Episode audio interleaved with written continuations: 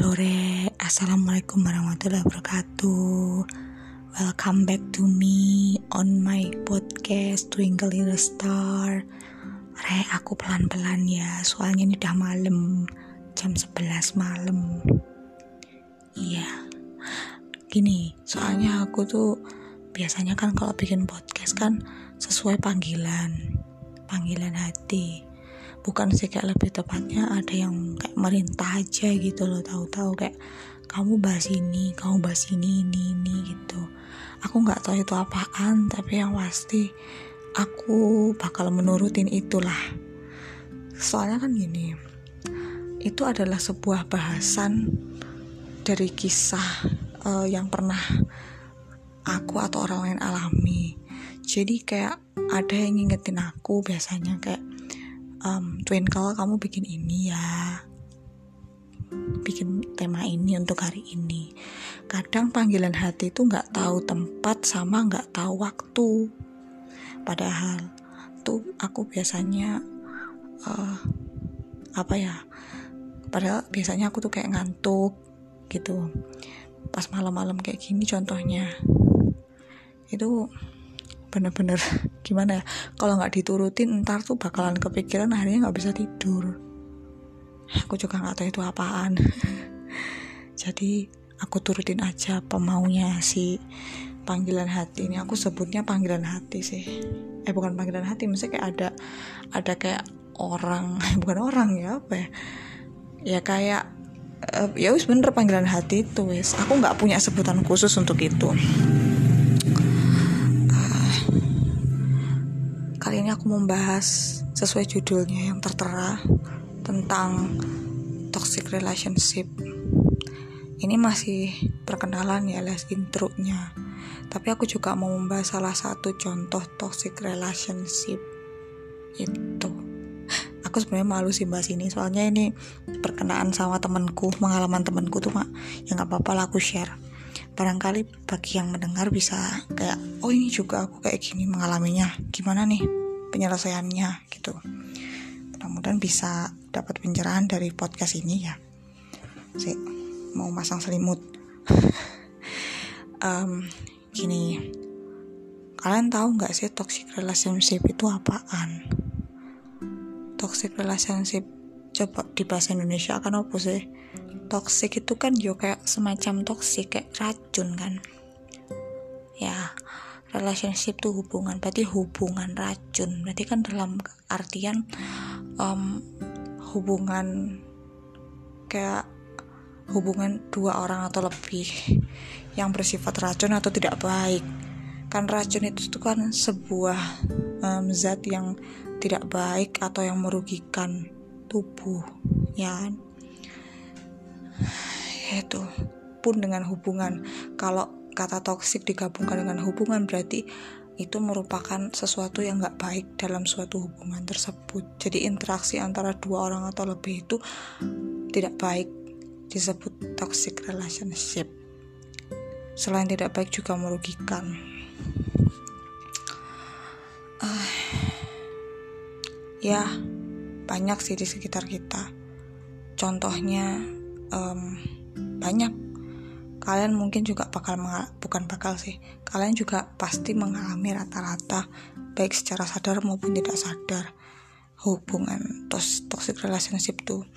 Jadi bukan cuma percintaan aja yang namanya relation tuh bukan cinta-cintaan toh tapi juga hubungan antar manusia yang bukan cinta kayak hubungan sosial antara kayak kita sama temen kerabat saudara, terus orang-orang yang gak kita kenal. Kan kita kan ada interaksi kan disebut hubungan. Nah itu hubungan toxic relationship tuh cakupannya luas ya, le menurutku. Ya bahwa menurutku emang iya, ya kan.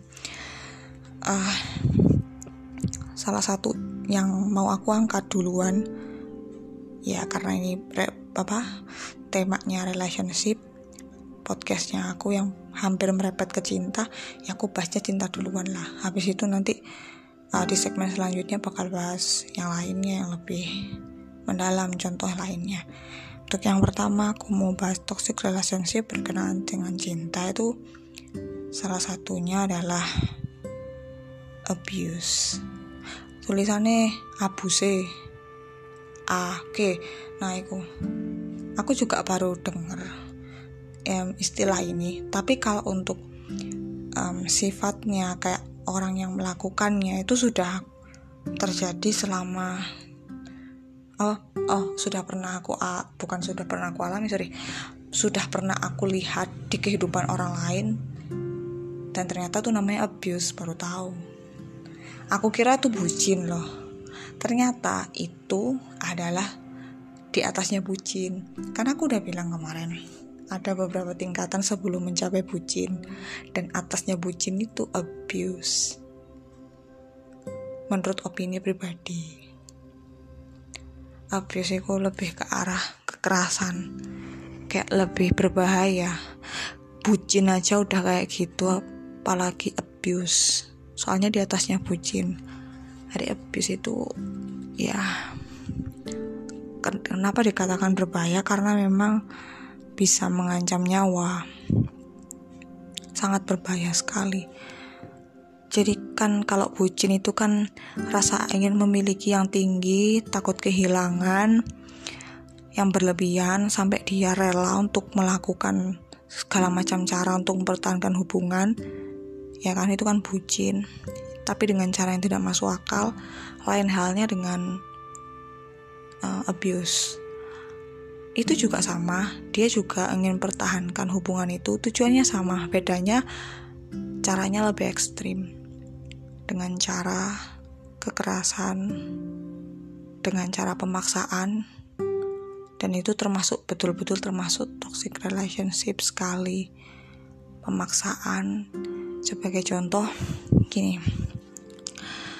Ada suatu um, aku ada suatu cerita ya teman aku. Tapi aku tidak bisa menyebutkan namanya. Jadi dia seperti itu. Dia menjalin hubungan dengan seorang laki-laki. Laki-lakinya itu sangat mencintai perempuan ini alias temanku. Dan laki-laki ini saking cintanya dia rela melakukan apa saja bahkan di luar nalar. Oke dia fix bucin. Nah Ternyata selain bucin, dia juga satu tingkat di atasnya bucin. Dia sudah masuk tahap sana, tahap terakhir benar-benar paling toksik. Dia udah masuk tahap abuse karena apa? Ternyata dia bakal melakukan segala cara untuk mempertahankan hubungan ini supaya dia nggak lari, supaya pasangannya ini alias temanku ini nggak lari dan nggak berpaling dari dia. Dia mengancam untuk entah bunuh diri, mohon maaf, atau menyakiti dirinya sendiri supaya dia tetap bersama dengan temanku. Itu udah sangat parah sih. Ya. Itu parah. Tidak baik untuk ditiru. Sangat tidak dianjurkan ya, ya guys. Yaitu jadi kayak mengancam. Kan gini, ada beberapa orang yang kayak nggak suka dikekang termasuk temenku pun aku. Kan kalau bucin karena rasa ingin memiliki yang tinggi dia um, tahap hardcore-nya itu tidak membolehkan pasangannya untuk bahkan memiliki teman uh, lawan jenisnya. Itu sudah tahap bucin hardcore. Oke kalau yang masih dini bucinnya kan masih kayak um, tidak separah itu. Kalau sudah separah itu kan berarti sudah tidak masuk akal gitu kan. Kayak melarang untuk ber berteman dengan lawan jenis itu menurutku sudah mengganggu hak asasi manusia. Padahal itu belum sah kalau menurutku. Nah mohon maaf ya kalau um, intermezzo terlalu banyak ngomong gitu mohon maaf. Tapi dengerin aja ya ngomongku esensinya gimana oke next lanjut. Uh, ya kan menurutku tuh sudah merenggut hak asasi manusia. Belum apa-apa kok udah mengekang sampai separah itu. Masih pacar juga ya kan? Lah terus karena mungkin ceweknya ini nggak tahan alias temanku dia memilih untuk pergi tapi dia tidak diperbolehkan untuk pergi oleh sang pacar alias cowoknya ini. Wah ini sudah tidak benar.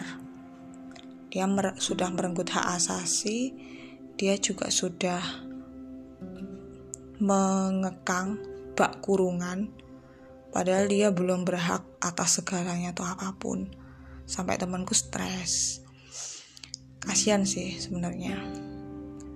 Laki-lakinya mengancam untuk mengakhiri hidupnya kalau semisal dia disuruh berpisah atau mungkin meninggalkan atau perempuan ini meninggalkan laki-laki itu sangat sangat sangat menyedihkan dan sangat membuat apa ya setiap orang ya orang dan gini orang-orang yang kayak gini itu lebih berbahaya kalau menurutku. Dan aku sampai sekarang apa ya salut sama temenku ini bertahan. Dan ini memang beneran toksik bertahan dalam ketoksikan ini sangat sulit. Bahkan aku pun kalau sama mama dihadapkan pada keadaan seperti itu aku rasa nggak sanggup. Makanya mungkin Allah nggak nguji aku soal itu. Malah menguji hal yang lain. Uji ketahanan.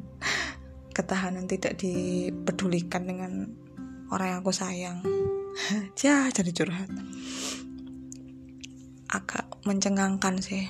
Awalnya aku tuh nggak tahu sebenarnya kan banyak kejadian kayak gitu cuma aku nggak tahu kalau ternyata namanya abuse. Itu sangat tidak berperi kemanusiaan like, jari aku sih. Gak berperi kemanusiaan sekali bahkan kayak sudah gila like, menurutku tuh orang kayak gitu. Abuse itu bukan orang apa ya bukan orang yang normal lagi. Menurut aku sudah gila itu. Bukan bucin lagi tapi gila cinta. Gila karena cinta di apa ya istilahnya kayak didewa-dewakan lebih parah daripada didewakan. Iya. Atau yang lebih parahnya lagi tomoan jangan ditiru ya. Yang kayak biasanya kalian lihat di film-film lebih baik dia membunuh pasangannya supaya pasangannya tidak bersama dengan lelaki lain itu beneran. Itu termasuk abuse. Pokoknya sesuatu yang membahayakan atau yang mengancam entah itu pasangannya atau dirinya sendiri. Karena dia takut untuk kehilangan itu dinamakan itu abuse. Aku sampai kayak speechless saja sih kayak nggak nyangka ternyata ada orang tipikal kayak gitu. Dan entah apa itu latar belakangnya seperti apa aku rasa itu kayak bagian apa ya dulunya ada sesuatu karma yang belum selesai. Kayak dia ada masalah dulu di waktu kecil yang belum terselesaikan. Kalau menurutku seperti itu mengapa orang itu jadi abuse? Ya kan? Coba kita telaah bareng-bareng. Orang abuse takut kehilangan. Kemungkinan dia um, pernah mengalami kehilangan yang sangat menyedihkan terus atau mungkin dia kayak kesepian. Dan takut kalau dan gini dan juga dia itu meletakkan sumber kebahagiaannya 100% ke orang tersebut alias pacarnya. Yang seharusnya itu tidak boleh. Karena aku sudah bilang jangan meletakkan kebahagiaan pada orang lain. Karena ketika kebahagiaan itu hilang atau sudah meninggal kamu bakalan jadi gila hati-hati makanya ya pokoknya mencintailah sewajarnya. Ya seperti itu. Agak mencengangkan ya sebenarnya sampai sekarang. Aku ya kayak masih shock dan uh, dan um, sorry. Sampai sekarang temanku juga masih mencari jalan keluar gimana mengatasi pacarnya yang abuse. Aku cukup bangga temanku bisa melewati itu nggak tahu sepertinya mereka menikah. Menikah sepertinya sudah menikah. Soalnya aku sudah kehilangan kontak sama dia. Ya seperti itulah. Ya mudah-mudahan mereka bahagia. Dan mudah-mudahan juga sih temanku tuh bisa mewaraskan abuse entah dengan metode apa. Kalau menurutku tuh masalah dia di masa kecil dia takut ditinggal atau dia takut apa itu.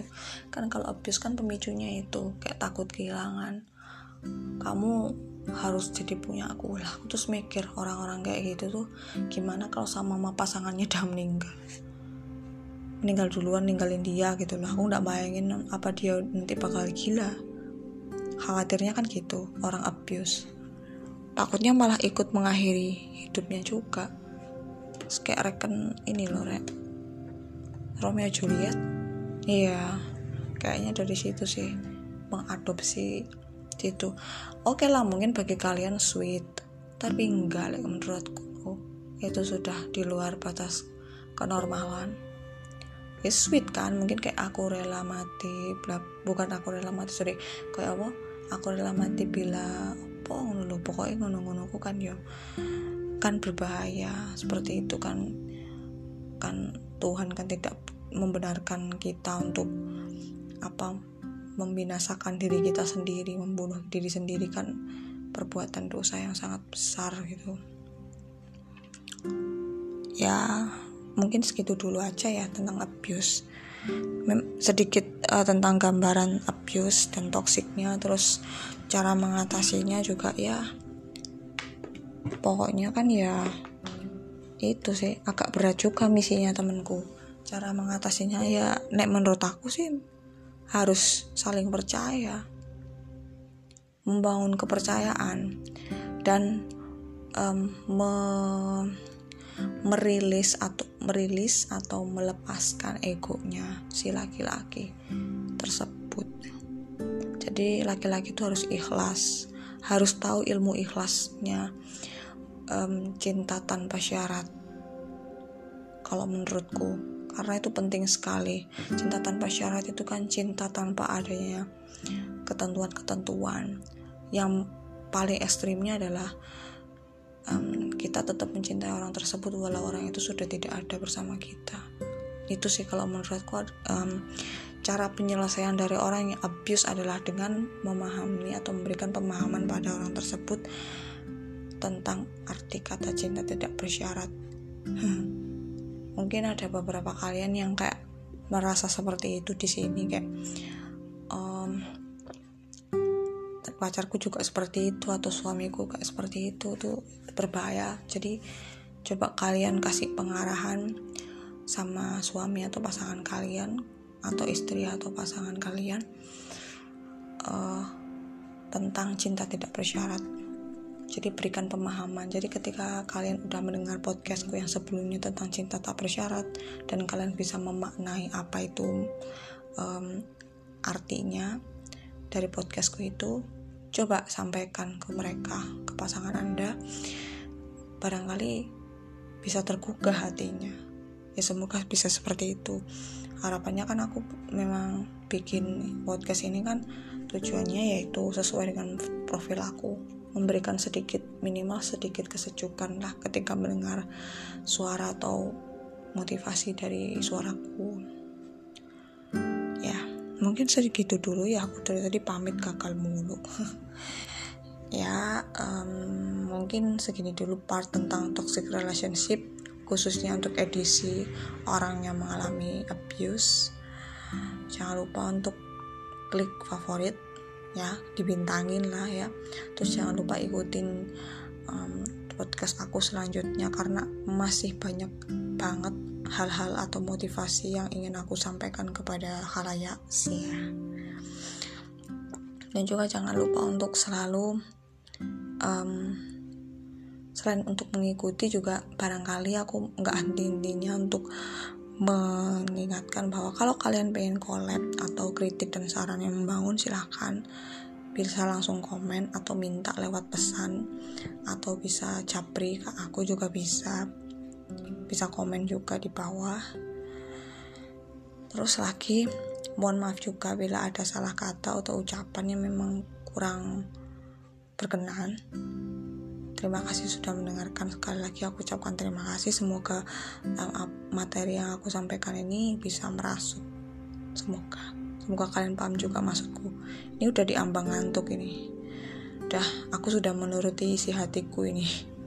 Suara hatiku ini udah agak tertuntaskan ya sudah sorry segitu dulu ya mohon maaf dan terima kasih. Assalamualaikum warahmatullahi wabarakatuh. Dan sampai jumpa di next segmen berikutnya. Bye bye